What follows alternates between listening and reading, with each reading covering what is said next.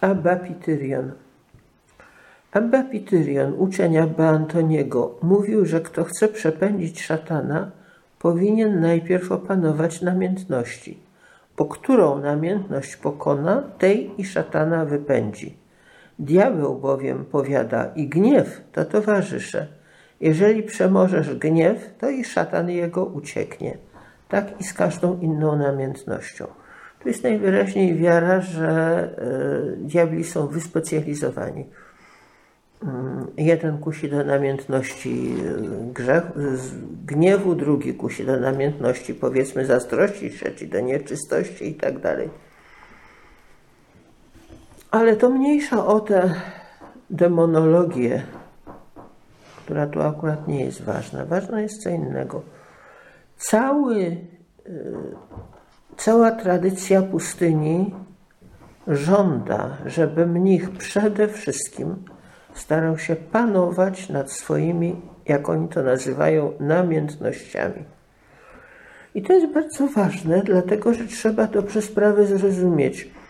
Tu niedawno słyszałyśmy, e, że człowiek ma prawo do swojego gniewu i że źle jest, jeżeli kleryk wszedł do, dekanatu, do dziekanatu, powiedzmy, i nie mógł swojego gniewu okazać, bo inaczej to by zaraz wyleciał z seminarium ma prawo do swojego gniewu.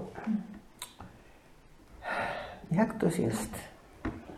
Coś mi się wydaje, że to jest tak, że człowiek ma prawo do odczuwania swoich uczuć, w tym sensie, że nie powinien ich ignorować, zamiatać gdzieś pod podłogę i udawać, że jest taki święty, tylko powinien umieć i to ma prawo, obowiązek przy okazji też, umieć je nazwać po imieniu. Ja w tej chwili się gniewam.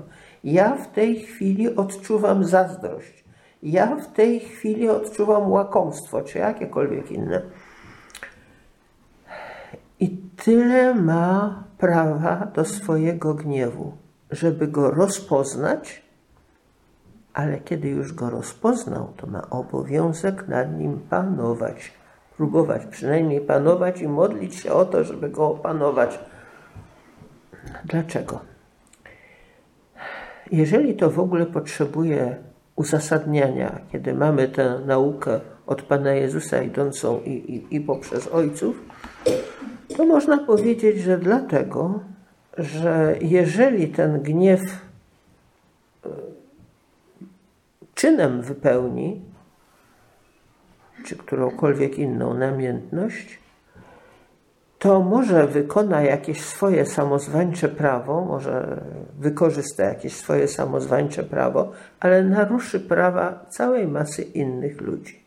Ktoś inny mógłby powiedzieć, że on ma prawo, żeby mu nad głową nie wrzeszczano, prawda?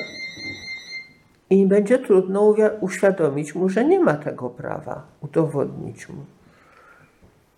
Mm, to jedno, a drugie, że przecież to samo właśnie dotyczyłoby nie tylko gniewu, ale wszystkich innych namiętności. Pomyślmy, co by się działo w świecie, gdyby każdy z nas uznał, że ma prawo do swoich namiętności i do wykonywania ich czynem. Ludzie. Wyobrazić sobie trudno jedno żywe piekło.